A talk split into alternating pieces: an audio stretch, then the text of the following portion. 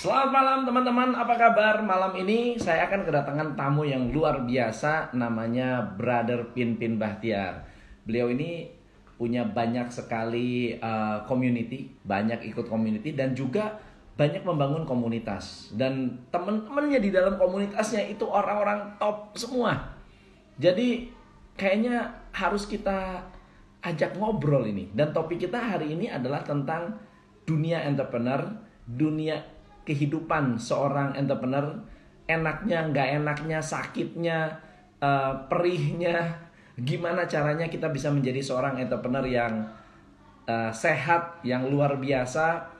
Dan teman-teman namanya bisnis ya. Saya saya mau cerita sedikit tentang bisnis. Banyak orang di dunia bisnis mengharapkan membangun bisnis tetapi ternyata tidak mudah untuk uh, tidak mudah untuk menjalankan bisnis yang langgeng. Karena harapan kita, kita pengen uh, uh, bisnis itu cepat gede. Kita pengen bisnis itu cepat maju. Kita pengen bisnis itu gampang untuk di, dikembangkan. Tapi ternyata tidak semudah itu, tidak segampang itu. Nah, terus gimana dong? Supaya kita bisa uh, berkembang secara sehat. Gimana caranya supaya kita bisa uh, membangun bisnis secara uh, jangan ngomong autopilot lah.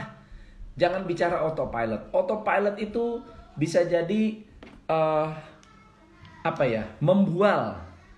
Ya, kita itu membual kalau kita berbicara cita-cita autopilot. Autopilot hanya bisa terjadi kalau bisnis itu memiliki empat syarat besar. Wah, bedanya apa? Bedanya apa? Lusa, suara saya kenapa? Jadi teman-teman, Uh, percuma autopilot. Kita akan sulit sekali autopilot kalau empat hal ini nggak bisa beres. Nomor satu adalah kalau bisnis kita tidak untung. Jangan ngomong autopilot, itu membual namanya. Atau menghayal. Bisnis itu harus untung dulu. Untungnya jalan, baru naik ke level 2. Level 2 adalah harus bisa menduplikasi segala hal yang kita kuasai jadi autopilot bisa jadi tidak melakukan 100% nggak apa-apa ya. 70% dulu boleh.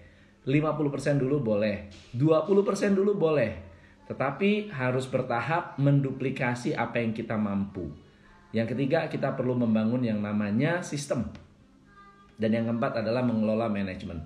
Nah teman-teman mari kita sambut Brother Pin Pin Bahtiar yang sudah uh, Lang buat dunia entrepreneurship. By the way, beliau juga guru. Wah, seneng banget nih. Dosen. Kita tunggu ya, kita tunggu. Uh, lagi connect, lagi connect. Semoga tidak ada problem dengan connection hari ini. Cek cek, uh, Irfan, apa kabar? Teman-teman boleh boleh share ya, Anda dari mana? Lalu kemudian um, anda dari mana boleh komen ya. Vera Chan, hai apa kabar? En Roisa, halo Gandhi. Barista Kopi, mantap. Ini kita lagi nunggu Pimpin Bahtiar. Kita bahas tentang dunia entrepreneur, enaknya, nggak enaknya, uh, kehidupannya seperti apa, ya. Apakah benar-benar orang bilang bahwa uh, jadi pengusaha itu enak gitu ya? Bener nggak sih? Nah, coba kita kita kita dengarkan nih beliau nih.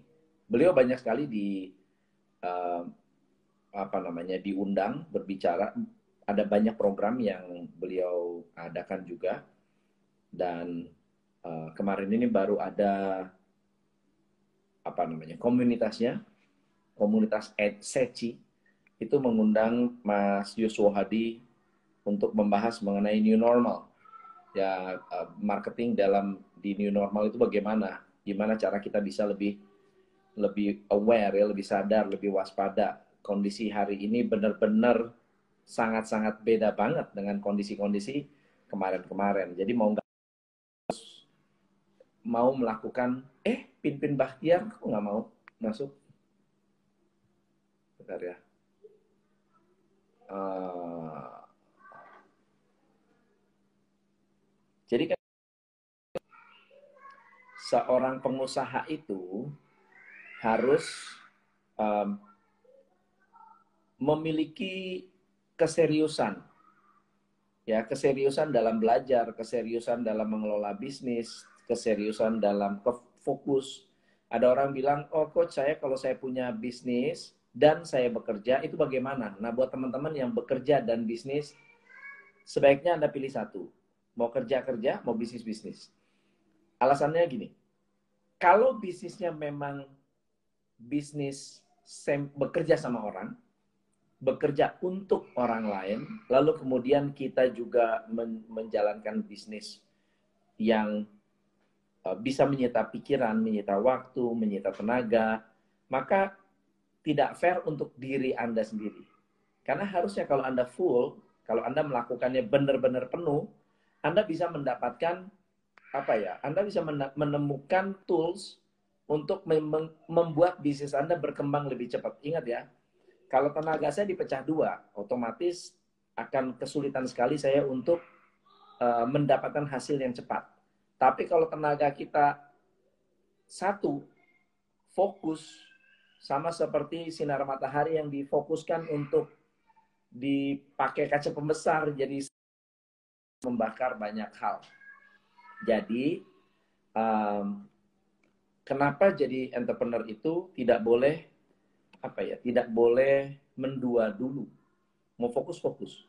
Kalau anda jadi karyawan anda harus benar-benar fokus mengembangkan perusahaan di mana kita bekerja ya.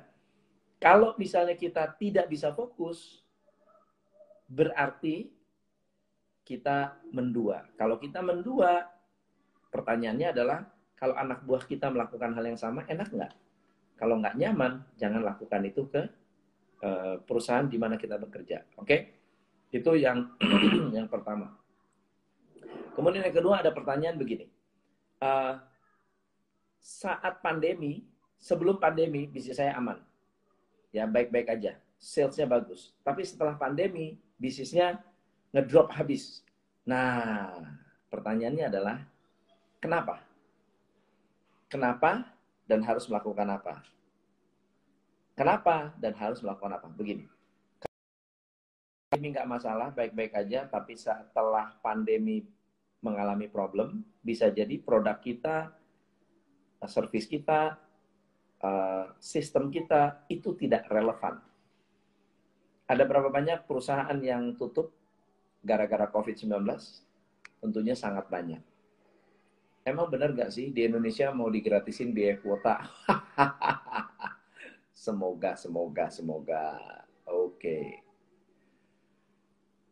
Bandar Lampung hadir, mantap. Pak Tom mau nanya, gimana caranya autopilot toko material? Di sistem repot itu, kalau beli, yang beli udah tukar-nuker salah barang. Nah, jadi uh, ada nggak toko material yang tersistem? Itu itu pertanyaan ya. Ada nggak toko material yang tersistem? Yang paling gampang ada nggak toko material yang di franchise-kan? Ternyata ada. Contohnya apa? Mitra 10. Mitra 10 berkembang, ber, punya cabang di mana-mana, uh, punya sistem. Ya, tersistemasi. Bisa autopilot. Ownernya Mitra 10 itu tidak nongkrong di semua toko satu-satu. Enggak. Enggak begitu. Betul ya? Tapi ada orang yang mengoperasikan. Kenapa kita bisa membuat orang mengoperasikan bisnis kita? Karena kita bukan hanya percaya, tapi kita bisa kontrol. Kita bisa kontrol, ya. Kalau misalnya kita bisa percaya tapi tidak bisa kontrol, gimana nasibnya? Oke, ini pertanyaan bagus nih. Sambil nunggu pin-pin ya. Nah, teman-teman, mulai bisnis di saat awal pandemi tepat nggak? Mulai bisnis itu kapan aja tepat. Bahkan ada research yang menunjukkan bahwa perusahaan-perusahaan yang dimulai pada saat krisis terbukti tahan banting. Itu yang pertama. Satu, terbukti tahan banting. Yang kedua, perusahaan-perusahaan dimulai pada saat krisis adalah perusahaan-perusahaan yang marketnya pasti akan berkembang setelah krisis. Perusahaan-perusahaan dimulai, misal contohnya ya, Anda punya jualan masker. Lalu pada saat pandemi booming, setelah pandemi masker akan jalan nggak? Kalau pandemi itu seperti sekarang, bahkan masker-masker itu akan semakin uh, premium. ya Anda bisa jual masker dengan harga premium. Jual masker, saya baru aja beli masker. Harga berapa ya? 40 ribu. Eh, ya 40 ribu masker. Masker kain biasa. Kenapa? Karena adjustable. Bisa di-adjust. Karena saya kalau pakai rasanya ada yang tarik kuping ketarik, ya. Hidungnya kenaikan, mata jadi berembun. Nah, ini bisa di-adjust. Itu premium. Harganya premium. Laku nggak? Laku. Oke. Jadi alasannya membuka bisnis saat pandemi, why not? Kenapa enggak? You can do it. Kalau udah terlanjur ada karyawan sebelum masuk pun udah bikin produk sendiri untuk dijual bagaimana? Kalau menurut saya harus fokus ya. Apa pun bisnisnya ya, siapa pun yang berbisnis harus harus mau fokus. Ya, kalau nggak fokus nanti ter terganggu kita. Coach mendingan fokus belajar atau fokus usaha kecil-kecilan? Hmm, bentar ya.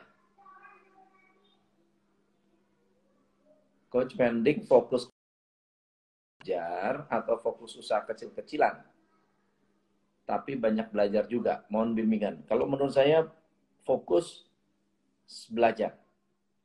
Fokus belajar kalau perusahaan ada yang mau mengizinkan, bagus banget. Jadi fokus sambil belajar, sambil bekerja, itu masih oke okay daripada belajar dan berbisnis. Nah, beda tuh. Kenapa? Kalau Anda belajar, waktu Anda harus fokusnya di belajar. Ketika kita berbisnis, fokusnya harus berbisnis. Nah, sekarang kalau misalnya berbisnis dan belajar, berarti kita akan korbankan waktu belajar kita, udah pasti. Ya, tapi kalau kita bekerja, nggak ada risiko kehabisan modal, nggak ada risiko apa-apa tuh, nggak ada risiko bahwa kita akan uh, uh, apa namanya harus keluar modal besar, nggak perlu. Oke, okay? wah gagal terus nih bro. Ah, berarti waduh ini kenapa ini? Nah, nggak apa-apa lah, gue masukin dulu deh. Oke. Okay. Ini gue udah nunggu-nunggu nih. Pin-pin Bahtiar. Tapi nggak apa-apa lah. Kita coba lagi. Kita coba lagi. Coach, gimana bisa memimpin pasar? Kalau saya bilang ya, bukan soal gimana cara memimpin pasar yang besar. Gimana cara memimpin pasar itu dengan radius kecil. Contoh ya, saya kasih saya kasih uh, saya kasih ilustrasi simple aja ya. Saya kasih ilustrasi simple aja ya. Ini sambil nunggu brother nih. Aku kasih gambaran gini, oke? Okay?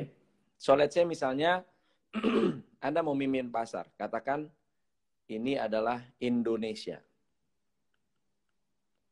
Indonesia itu banyak kan? luas dari Sabang sampai Merauke. Kira-kira begitu ya. Nah, pertanyaannya begini. Kalau kita ini titik kita, ini ini ini bisnis kita. Cara saya, cara saya adalah berbicara bermain radius. Radius. Pertanyaannya dalam radius jangan jauh-jauh lah ya, 100 meter. 100 meter, radius 100 meter anda tanya 10 orang. Ya, tanya 10 orang. Tanya 10 orang, Anda tanya, "Hey, bro, kenal nggak dengan toko saya?" Misalnya toko ya. Kenal nggak dengan toko saya? Radius 100 meter. Nah, kalau misalnya dari dalam radius 100 meter, 100% orang kenal, berarti anda sudah mendominasi, menguasai pasar, mendominasi pasar 100 meter. Nanti luasin lagi 200 meter. Berarti ngapain nih? 100 meter coba dihitung. 100 meter tuh ada siapa aja sih? Anda sudah keliling belum tiap hari? Udah kenalan belum sama orang-orang dalam radius 100 meter? Ya, tetangga kiri kanan Anda uh, uh, paham nggak siapa Anda? gitu loh teman-teman. Jadi jangan sampai kita berpikir men mendominasi dunia, tapi tetangga sebelah nggak kenal gitu. Sebaiknya kita kenal tetangga, kenal orang yang ada di sekitar kita, gitu ya, supaya anda benar-benar bisa mendominasi. Kita coba lagi, kita coba lagi, kita coba lagi. Jangan jangan menyerah ini kita. Jangan menyerah, oke? Okay? Pin-pin juga mau itu lagi. Beliau mau ada live lagi sama Anton Teddy. Ini gue mesti undang lagi nih brother Anton Teddy nih. Nah, ya kan? Gimana bro? Bentar, bentar. Ternyata mantap ini bisa nih. Gua dari tadi masuk, cuman apa? Uh, pas gua klik ke tolak terus. Gua kan HP gua dua, IG gua di HP dua tuh kan. Ini HP yang satunya lagi bisa sekarang. Oke, mantap brother. Kira berarti Siap, Bro. Thank you, thank you. Tetap harus harus berusaha ya. Cuman kan gue dari tadi kan coba-coba tuh kan, nggak bisa masuk juga kan. Gue stres tuh. Nah, gara-gara stres, gue lupa tuh bahan-bahan gue, bro. Wah, kacau nih. Nggak mungkin lah. Ini bahannya udah ada di dalam darahnya dia. Emang antivirus. Cerita dong, gimana nih? Ini ini ini topiknya teman-teman ya, my life di dalam dunia entrepreneur. Kenapa bro kita bahas itu bro? Iya, uh, jadi memang uh, pada kenyataannya entrepreneurship itu nggak bisa terpisah dari kehidupan entrepreneurnya sih. Oh. Kalau sebagian konsep profesional kan ini eh, ini bisnisku, profesionalitasku eh, itu itu bisnis profesionalitasku, ini hidupku terpisah. Tapi faktanya menurut gua nggak bisa. Kalau kita lihat Jack Ma, Nadim, siapa lagi? Uh, Steve Jobs. Ya. Gue yakin nggak gitu hidupnya. Bener. Pasti siang malam kepala jadi kaki, kaki jadi kepala. Nah, bisa. justru menurut gue karena potretnya kayak gitu, makanya kita butuh apa eh, manajemen kehidupan, life management. Karena realitasnya begitu. Yang penting kita nggak nggak tolak realitas itu, kita terima, kita tata. Benar-benar. Bro, lu cerita dong bisnis uh, apa? Cerita pengalaman hidup. Pengalaman hidup as your as as entrepreneur. Karena orang-orang di luar sana berpikir, "Eh, Pak, saya mau bisnis, Pak." Wah, kenapa mau bisnis? Habis enak sih, duitnya banyak. Iya.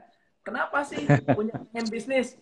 Enak, karena saya kan pengen banyak waktu dengan keluarga gitu bro Gimana? Gue gue setuju sama kalimat lu tadi. Jadi antara berbisnis sama bekerja, uh, bagaimana memilih mana? Ya lu tadi bilang kan, ya pilih salah satu lah. Gue juga termasuk yang menganut sih menjadi pekerja dan menjadi pebisnis sama mulianya kok. Gue tadi iya. menotifikasi kalimat lo. Jadi kalau kita menganggap kan gini problemnya banyak yang pekerja menjadi pelaku usaha itu tanda petik pelarian karena oh. dia benci menjadi pekerja dia jadi pebisnis gitu. Karena dia nggak betah sama pekerjaan jadi pebisnis. Nah justru gue menantang men-challenge balik. Kalau lu pengen jadi pelaku usaha pastikan saat lu kerja kondisi lu bagus. Komitmen lu bagus. Kinerja lu bagus. Karena nanti saat lu buka usaha lu kan mimpin tim. Lu nggak mungkin nasehatin tuh orang untuk jadi pekerja yang baik, sementara dulunya lu kagak baik. Benar. Orang kan baca bahasa tubuh, bro. Orang kan baca bahasa tubuh. Pemimpin gua ngomong doang. iya, Kalau orang kan baca bahasa fokus, tubuh. Ya, jangan ada ya. dua double kerjaan. Eh, gua begitu kacau. ya. Bener. The power of focus, bro. Setuju, setuju. Bro. Ya jadi memang uh, sekolah gimana hmm. sekolah? Hmm. Ngajar masih ngajar? Kenapa? Ngajar ngajar masih ngajar nggak? Ya, jadi gua gua dulu produser musik, bro. Gua bisnis gua tiga, uh, nggak nggak barengan sih antar tahun. Hmm. Awalnya gua produser musik, lalu uh, 2011 gua berhenti, 2011 sampai 2018 gua 18 gua jadi developer, Terus juga dari 2016 sampai 2018-an gue juga sambil bisnis kuliner. Nah, cuman memang 2015 gue kayaknya terpanggil jadi edukator. Makanya uh, ya bahasa gampangnya gue adalah pelaku usaha yang lagi hijrah jadi dosen, bro. Gue gua mencintai. Kayaknya kalau ngajar, gue merasa hidup. Gue merasa hidup. Hmm. Tapi ya karena ya. gue mantan pelaku usaha, tentu ini beyond ngajar. Selain ngajar, gue juga melakukan bisnis di di di pasar edukasi ini gitu. Hmm. Jadi ngajar ya semangat uh, berbisnis juga iya. Dan gue sukanya lu punya teman-teman itu uh, networknya itu uh, luas ya, luas. Teman-teman pengusahanya juga ada, ya uh, penulis buku ada, Gila, keren banget, keren banget. Thank you, thank you. Ada Pak Yahya, bro. Kenalkan, ini salah satu senior seniorku di ECI juga. Ini ketua komunitas CEO Business Forum. Pak Yahya, kenalkan, ini Coach Tom ini. Coach Tom wajib di ke CBA, Pak. Gue udah, gue udah live dengan Pak Yahya. Rame banget seribu orang, bro. Oh, oh udah kenal. Iya, siap, siap, siap. Gila dia. Dia ininya apa namanya? Tipsnya tuh tajem-tajem banget. Dan banyak cerita mengenai uh, apa namanya konglomerat konglomerat di luar sana tuh kenapa kok bisa kaya? Itu keren banget. Insightnya luar biasa. Ini gue udah janji pengen bikin something nih sama beliau nih. Siap. Keren keren keren. Bro, jadi um, dunia entrepreneur ya, sekarang kalau kita bicara sekarang ya, kalau kan ada banyak levelnya entrepreneur itu ya. Ada yang mereka masih uh, kecil, menengah, besar. Nah, definisi entrepreneur itu apa sih sekarang? Karena banyak orang, pokoknya saya dagang online itu sudah jadi entrepreneur. Atau begini, oh, gue punya MLM, gue MLM, gue anggota MLM berarti gue ada adalah seorang entrepreneur. Definisinya apa sih bro? Iya uh, bicara definisi dan indikator ya. Uh, cuma indikatornya gue lupa tuh ada lima. Ada macam-macam sih cuman yang yang agak populer lima. Tapi gue fokus ke definisi sih. Oke okay, oke. Okay. jadi uh, eh, 2009 Kuratko bilang sampai detik ini belum ada definisi yang definitif atas entrepreneurship. Oke. Okay. Kalau bahasa kita gini, jadi orang tuh nggak ikhlas. Misalnya entrepreneurship adalah ini, orang nggak ikhlas. Yeah. Para ilmuwan tuh nggak ikhlas, artinya uh, mereka men-challenge uh, entrepreneurship lebih luas dari itu. Yeah. Nggak bisa didefinisikan hanya sekedar itu. Yeah. Nah makanya bicara definisi macam-macam, termasuk juga kayak mazas. Di dunia ini ada enam mazas yang mengembangkan uh, telaah tentang entrepreneurship ada enam mazhab besar di negara. Jadi kayak misalnya Amerika sama Prancis ngomongin entrepreneurship tuh pasti beda. Okay. Walaupun irisannya ada. Uh, uh, dan seterusnya dan seterusnya. Nah, itu kira-kira gambaran tentang definisi ya. Tetapi memang yang agak populer itu definisinya si ini, Bro. Uh, Peter Drucker. Okay. Jadi entrepreneurship adalah tentang inovasi. Walaupun pertanyaannya inovasi yang gimana? Karena inovasi jika dia tidak menghasilkan komersialitas, efektivitas, dan efisiensi itu bukan inovasi, itu seni. Yeah. Jadi jangan ngaku inovasi jika kamu tidak bisa melahirkan komersialitas, uh, efisiensi dan efektivitas di situ. Yeah, yeah. Uh, tetapi akhirnya di tengah definisi yang macam-macam ini, yang agak konklusif itu adalah tentang opportunity, bro. Jadi entrepreneurship adalah tentang kalau bahasa Indonesia semangat keberpeluangan, entah opportunity seeking atau opportunity capturing. Hmm. Nah, tapi gue sendiri bro, suka sama definisinya Proprian Nugroho. Proprian mengatakan entrepreneurship itu semangat kemandirian. Makanya tadi uh, gue seneng tuh pas lu bilang, kita jangan main scale up, scale up aja, bangun parameter-parameter dong sebelum yeah. scale up. Nah, Proprian juga mengatakan gini, uh, semangat kemandirian kan, pelaku usaha ada 60 juta. Kalau semua masuk ke dalam hyper kompetitif, ini ujung-ujungnya price war. Benar. Nah, artinya kan kita juga entrepreneurship Indonesia kan harus relevan. Artinya gini, Proprian mengatakan gini, nggak apa-apa bisnis kita kecil, tapi sehat. Ya. Tapi bisa jalan 20 tahun. dengan dua ini bahasa gua sekarang bisa jalan 20 tahun dengan 20 karyawan yang ke 20 karyawan itu anaknya ngambil S2 gara-gara bapak ibunya kerja di perusahaan kita. Ya. Jadi gue setuju scale up, tetapi scale up bukan segala-galanya. Sebelum scale up sehat nggak? Seperti yang lu bilang tadi. Benar. Karena se sehat itu segala-galanya. Banyak juga yang scale, scale up ambruk bro. ada ada UKM, ada UKM. Dia bikin kayak keripik-keripik begitu. Terus Iya, iya. bilang, wah gua happy nih pak. Kenapa? Diterima di Indomaret. Oh ya, wah selamat ya. Saya masuk Indomaret. Bulan pertama bahagia banget. Kenapa? Karena minimal kan 5 piece per minggu. 5 piece per minggu, Oke. 17 ribu cabang. 17.000 cabang. Langsung stok inventory-nya naik. Bulan ketiga, bangkrut men. Beneran. Oke. Saya bilang, kita lebih baik ya bertahap, tapi sehat. Bertahap, tapi sehat. Ada banyak orang, oh kok eh, apa ya namanya kok bisa bisa kalau punya punya punya ilmunya punya strateginya kenapa nggak kayak kenapa nggak kayak Bill Gates? Kenapa nggak kayak siapa Eh, Apple gitu ya? Mereka melakukan eh, perkembangan sampai mendunia gitu. Nah pertanyaannya adalah kenapa Bill Gates menjadi Bill Gates bro kenapa Bill Gates eh, Steve Jobs itu bisa menjadi menjadi seperti itu. Kalau dalam kacamata akademi atau dari kacamata seorang seorang eh, apa namanya praktisi dan akademis lah, lu kan dua-duanya. Eh, gue penganut entrepreneurship, bro. Ya, Jadi gue percaya eh, di balik orang orang hebat ada entrepreneurship-nya. Apalagi gue seneng banget ketika didapati secara definisi entrepreneurship itu adalah semangat keberpeluangan. ya, Jadi ketika dalam konteks definisi itu, itu menjadi relevan buat semua orang. Makanya ada guru preneurship gitu. Jadi ada guru matematika, dia fokus menjadikan kelas itu bukan sekedar ngajari matematika dan muridnya lulus, tapi dia punya semangat melalui kelas matematikanya, muridnya itu ngerti matematika, lulus matematika, plus hidupnya tertransformasi.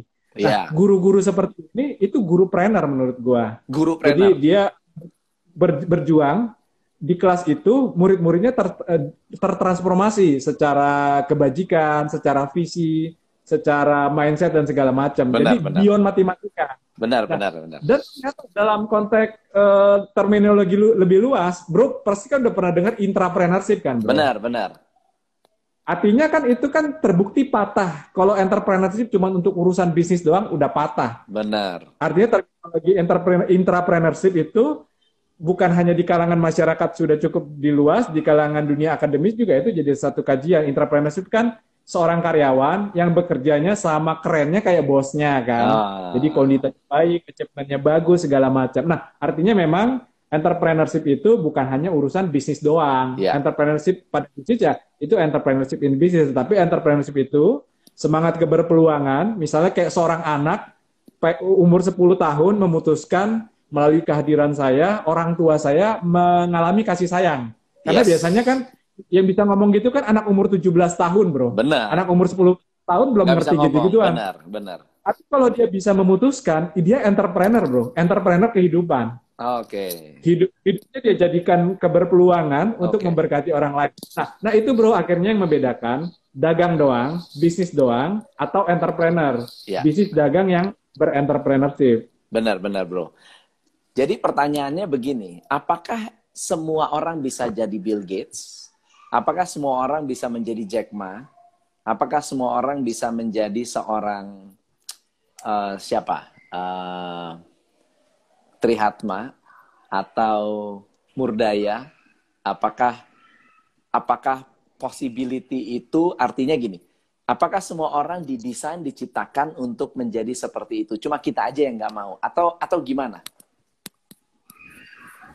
Gua termasuk yang mempercayai semua orang bisa menjadi apa pun yang dia rindukan Oke, dengan entrepreneurship. dengan entrepreneurship. Cuman pertanyaannya Tuhan ridho nggak? Tetapi memang benar, benar, benar. entrepreneurship itu adalah sebuah semangat untuk kita bergerak terus menerus.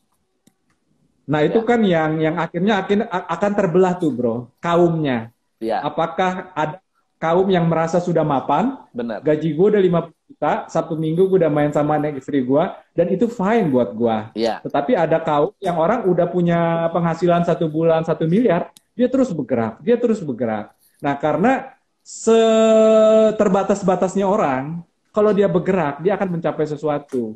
benar. Energi gerak itu didapat dari entrepreneurship, bro. Semangat keberpeluangan. Benar, benar, benar. Semangat ber, keberpeluangan ya. Ini ini memang bahasanya mesti bahasa yang eh, maksudnya lebih ngepas gitu loh. Ngepas banget kalau kalau entrepreneurship itu kan kayaknya masih awang-awang dan terlalu keren buat dibayangkan gitu ya. Tapi eh ber- keberpeluangan, oh benar, masuk akal.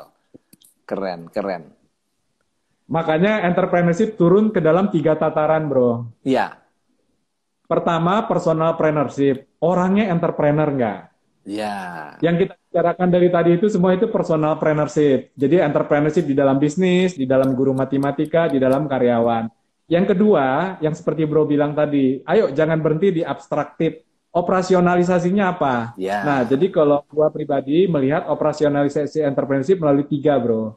Hmm. Daya cipta, daya manfaat, daya juang. Daya cipta itu bicara tentang kreativitas inovasi, daya manfaat bicara tentang pro kepada pelanggan, pemasok, dan juga karyawan. Ya kita urut nomor 4 atau nomor 5 lah. Hmm. Daya juang, daya melalui uh, leadership, uh, managerialship, networking, pembelajaran, dan professionalship misalnya gitu. Oke. Nah, itu operasional. Nah, ada tahap ketiga, bro.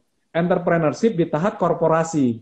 Makanya kan di Amerika perusahaan 150 tahun ambruk Eh, Iya. perusahaan media karena Hmm. dia tidak melek, tidak tidak berke- keberpeluangan bahwa era digital Fortune dia ya, harus masuk ke saya. situ. Ya, Fortune akhirnya dia ambruk. Mm-mm. Nah, makanya di konsep di di, di konteks eh, korporasi itu muncullah konsep ini, bro, strategic entrepreneurship. Nah, Hmm. strategic entrepreneurship berbicara tentang semangat ke strategik itu kan keberunggulan.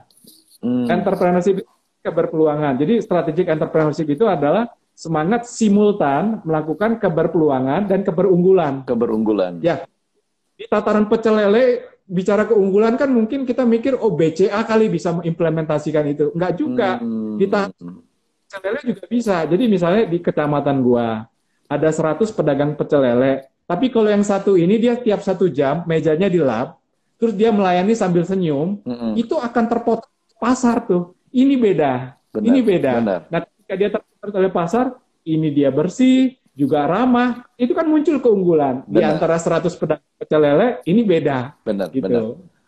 Benar, benar, benar. Benar, benar banget. Selain selain dia harus diterima secara rasa, kualitas dan seterusnya, eh ternyata bisa kasih added value yang nggak bisa diambil, eh, nggak bisa direbut oleh kompetitor dan akhirnya jadi keberunggulan. Betul, betul. Poinnya itu. Jadi keberunggulan itu hak segala bangsa. Semua bisa melakukan. Cuman orang teman-teman notice nggak? Kayak pedagang pecel lele notice nggak bahwa dagang pecel lele butuh senyum, Ah. butuh setiap jam meja dilap. Mereka notice nggak? Benar, benar, benar, benar. Dan ja- jadi kalau entrepreneur dan kehidupan entrepreneur, entrepreneur dan kehidupan entrepreneur. Jadi saya seorang uh, entrepreneur. Saya berarti mungkin apa namanya? Napas kita aja adalah nyari peluang gitu, benar gak, Bro? Aku udah muncul terminologinya sih bro. Apa dan apa tadi tuh? di IG Live dan minggu depan bro, minggu depan gue akan ada Zoom. Bro kalau ada waktu, monggo melimpir. Itu temanya My Life, My Entrepreneurship bro. Oke, apa tuh? Ceritain Jadi dong, hidupku dong. hidupku adalah entrepreneurshipku ya seperti pertanyaan bro di awal tadi kan.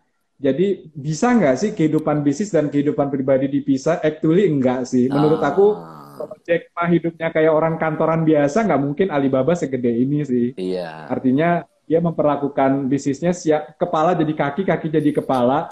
That's why kita butuh life management gitu. Nah, tetapi memang secara konseptual, bro. Jadi entrepreneurship itu itu tuh memang akan dikurung oleh dua menurut gua. Mm-hmm. Pertama oleh hierarki Maslow. Mm. Yang yang yang tahap kehidupan. Yang kedua adalah memang tahap pertumbuhan perusahaan. Iya. Jadi jadi entrepreneurshipnya seseorang itu akan berdialektika di antara dua poin itu tuh secara hierarki Maslow, lu di mana? Karena entrepreneurship-nya orang di kantong punya duit 10M sama di kantong punya duit 200 juta, beda. Iya, betul, betul. Nah, itu kan kita eh, jarang mengawinkan itu, bro. Kita kan kalau membahas entrepreneurship, pasti di tataran manajemen bisnis. Kita kan juga perlu memotret orangnya, kan? Iya. Nah, hierarki Maslow itu cukup sakti sih, bro. Memotret tingkat kehidupan tiap entrepreneur. Benar-benar. Jadi itu levelnya ya masuk ke ke sana ya. Jadi kalau saya mungkin baru mikirin physical, baru mikirin wah oh, saya ini safety physical itu beda banget dengan yang uh, level kebutuhannya sudah terpenuhi 100%. Jadi mereka punya cerita yang berbeda gitu ya. Ya artinya pendekatannya kalau mau jujur harusnya beda. iya benar benar benar benar. Eh ya, kayak Hmm, pertanyaan-pertanyaan ini bagus nih. Lebih baik modal dikit tapi tidak ngutang atau modal besar tapi ngutang? Ya itu, my life, my entrepreneurship. Ah, bener tuh. Kan akhirnya ada hierarki Maslow kan, tingkat kehidupan seseorang kan. Yeah. Dari basic need, uh, safety, love to be loved, self esteem sampai aktualisasi diri. Ini kan entrepreneurshipnya beda. Sisi kanannya ada tingkat pertumbuhan bisnis, bro. Ya. Jadi kalau bicara utang tidak utang, tergantung level pertumbuhannya. Makin tinggi levelnya, hutang itu semakin relevan. Ya. Tetapi makin sebawah level pertumbuhannya, sebaiknya hutang dihindari. Hmm. Jadi bisa terpotret ya. dari situ. Kalau saya, Mas Agung, Mas Agung, kalau saya mengenai hutang itu, ngutang itu begini. Uh, bank melihat kita itu seperti apa? Kalau bank, bank itu kasih utang ke siapa? Bank akan kasih utang kepada orang yang tidak butuh uang. Jadi jadi kalau Anda masih butuh uang, mendingan jangan ngutang. Kalau masih butuh yeah. uang, jangan ngutang. Tapi kalau bank bilang begini, Pak, udah Pak, ambil aja Pak. Pak, ambil aja Pak. Berarti Anda nggak butuh uang. Maka boleh ngutang. Itu satu indikator bagus Benar. Hmm. Biar orang tuh apa ya, kita itu nggak perlu nggak perlu apa ya, nggak perlu ngejar mod, modal itu bukan masalah. Karena modal itu bukan masalah. Uang itu, utang itu ilmu tersendiri lagi. Benar-benar. Nah ini pertanyaan betul, bagus. Betul. Pertanyaan bagus. Kalau udah terlanjur hutang, tapi rencana perlunasan usaha, lebih baik dahulukan yang mana? Hah? Perluasan usaha mau mau apa namanya mau jadi gini ini ini pertanyaan dilema nih mendingan saya lunasin utang-utang atau saya saya lunasin utang tapi bisnis gak, gak berkembang ayah pertanyaannya bagus brother silakan jawab ya itu tadi relatif lihat sisi kirinya hierarki Maslow-nya lihat hierarki Maslow-nya uh, kita sama keluarga kita happy nggak? Hmm. Tapi kalau kita anak istri aja di rumah udah stres segala macam, prioritaskan keamanan lah. Iya. Prioritaskan yeah. keamanan. Tapi kalau keluarga kita happy dan bisnis kita memang butuh grow, itu bisa dipertimbangkan. Iya. Oke, kalau saya nih, nih, nih gue kasih uh, masukan nih buat buat si ini nih. Uh, ya. Rujak, rujak. Jadi gini, kalau misalnya dua dilema itu, berarti kan duitnya ada untuk melunasin, betul nggak? Berarti duitnya ada nih buat melunasin. Nah pertanyaannya, kalau saya sampai melunasi hutang, ada masalah nggak dengan bisnis? Kalau ternyata bisnisnya jadi masalah gara-gara ngelunasin utang, eh jangan lunasin dulu. Ya, tapi kalau misalnya begitu kita ngelunasin, bisnis kita baik-baik aja, lunasin lah ngapain kita punya utang. Gitu ya. Itu itu itu yang pertama. Yang kedua adalah kalau kita mengerti bagaimana bagaimana membuat uang ini lebih produktif lagi. Namanya konsep uh, apa namanya? Time value for money, ya. Time value uh, apa namanya? Um, waktu itu uang hari ini lebih berharga daripada uang di masa depan.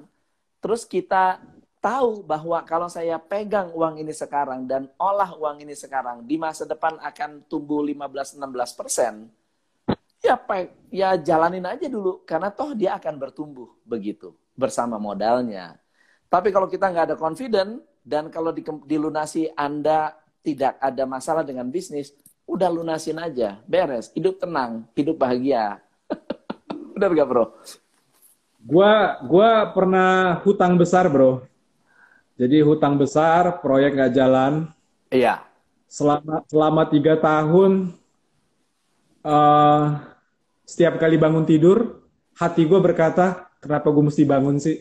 Ah. Menderita, menderita, menderita.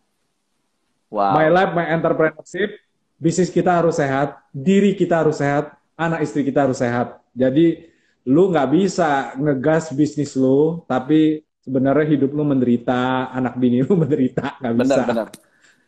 Ada apa namanya? Tadi gue dapet WA ya. Gue rasa sih ininya bagus banget ya quotesnya. Jadi hmm. dia siapa ya? Likasing ya kalau nggak salah. Likasing kan lagi udah meninggal belum sih? Belum ya.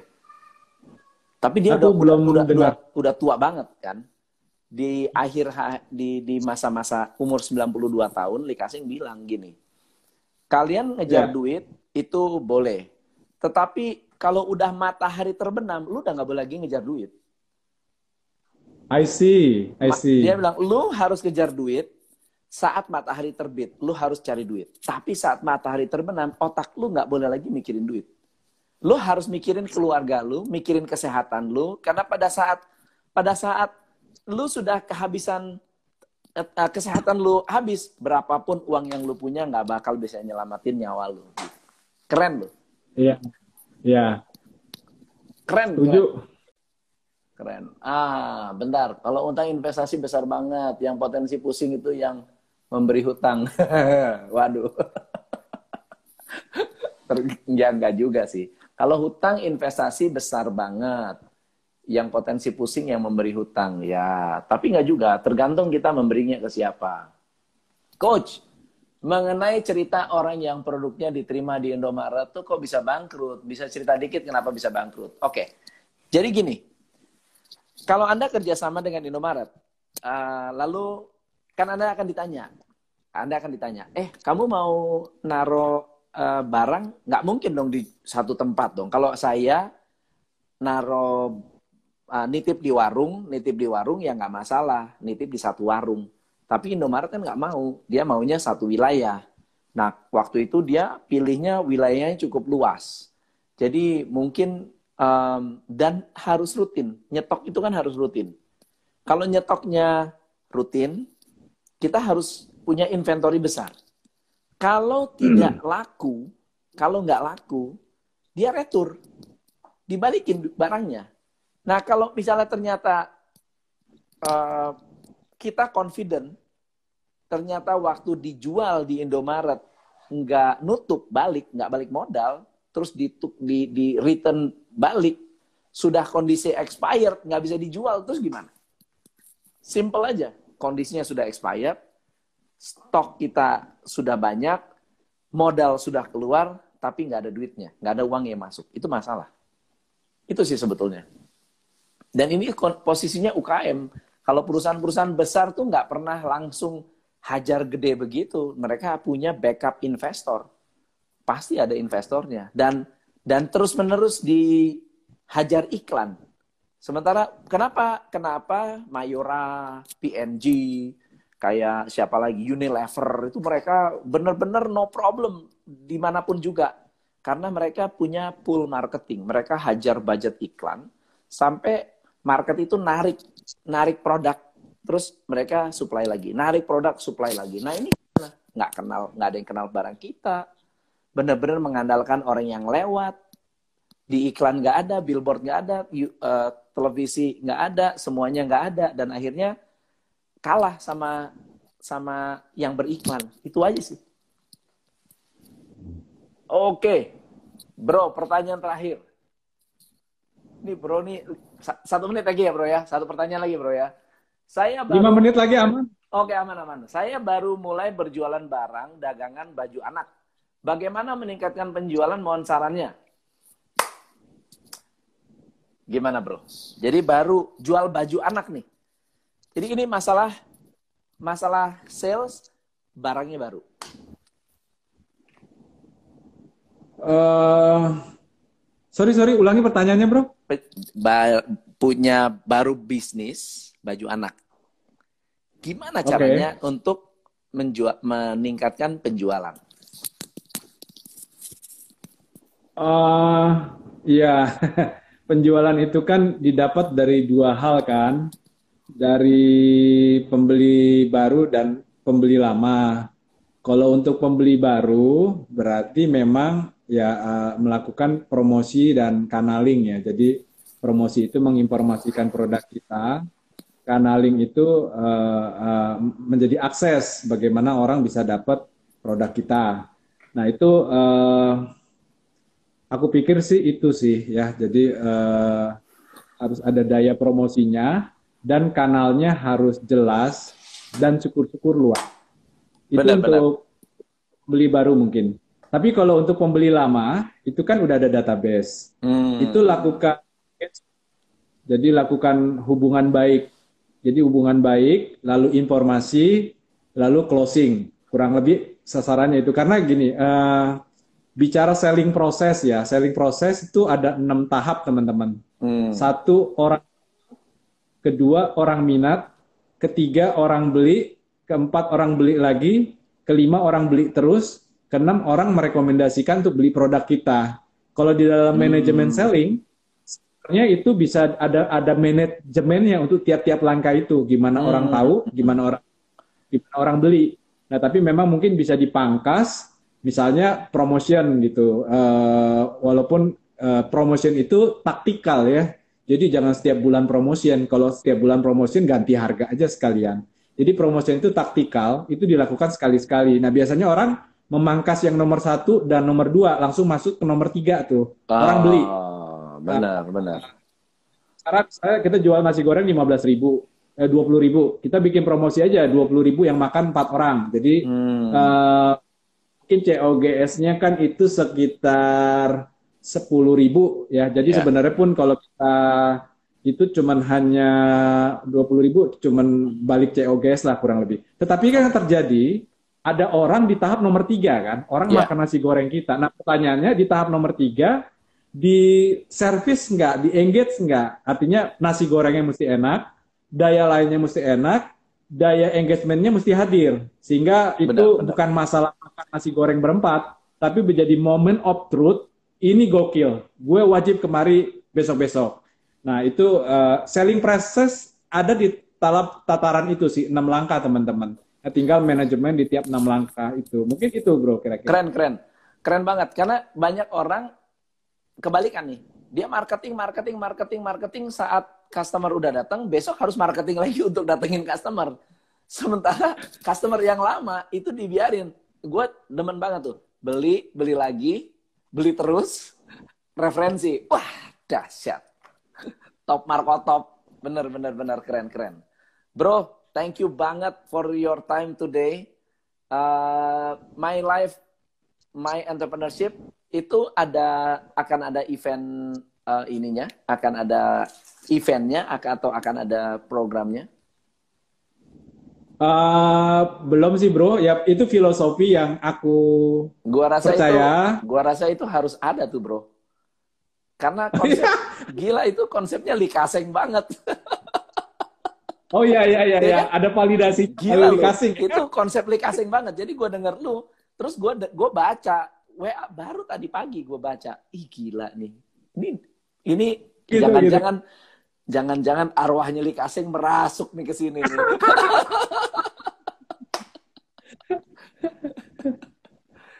bro, bro, thank you Tom, banget, bro. Uh, eh, gue thank you banget ya. Gue terbuka mengatakan gue enjoy banget malam ini. Thank you. Uh, set lu bikin happy, bikin enjoy. Uh, thank you. Ini karena energi persahabatan yang lu kasih, bro. Thank you, thank you. Mantap banget, teman-teman juga enjoy banget. Hari ini rame banget yang yang nonton dan semuanya juga kayaknya enjoy. Semuanya please say thank you ke Bro Pinpin. Bilangin uh, sukses luar biasa. Beliau mau lanjut lagi. Nanti please follow ya, follow. Ikut lagi ini sama Anton Teddy, itu orang dahsyat juga. Oke, okay, brother. Thank you banget. Brother, thank you. Thank you. Thank session, teman-teman. Thank you. Next session. Pamit, pamit. Bye. Gue ikutan, gue ikutan. Thank you. Bye Indonesia.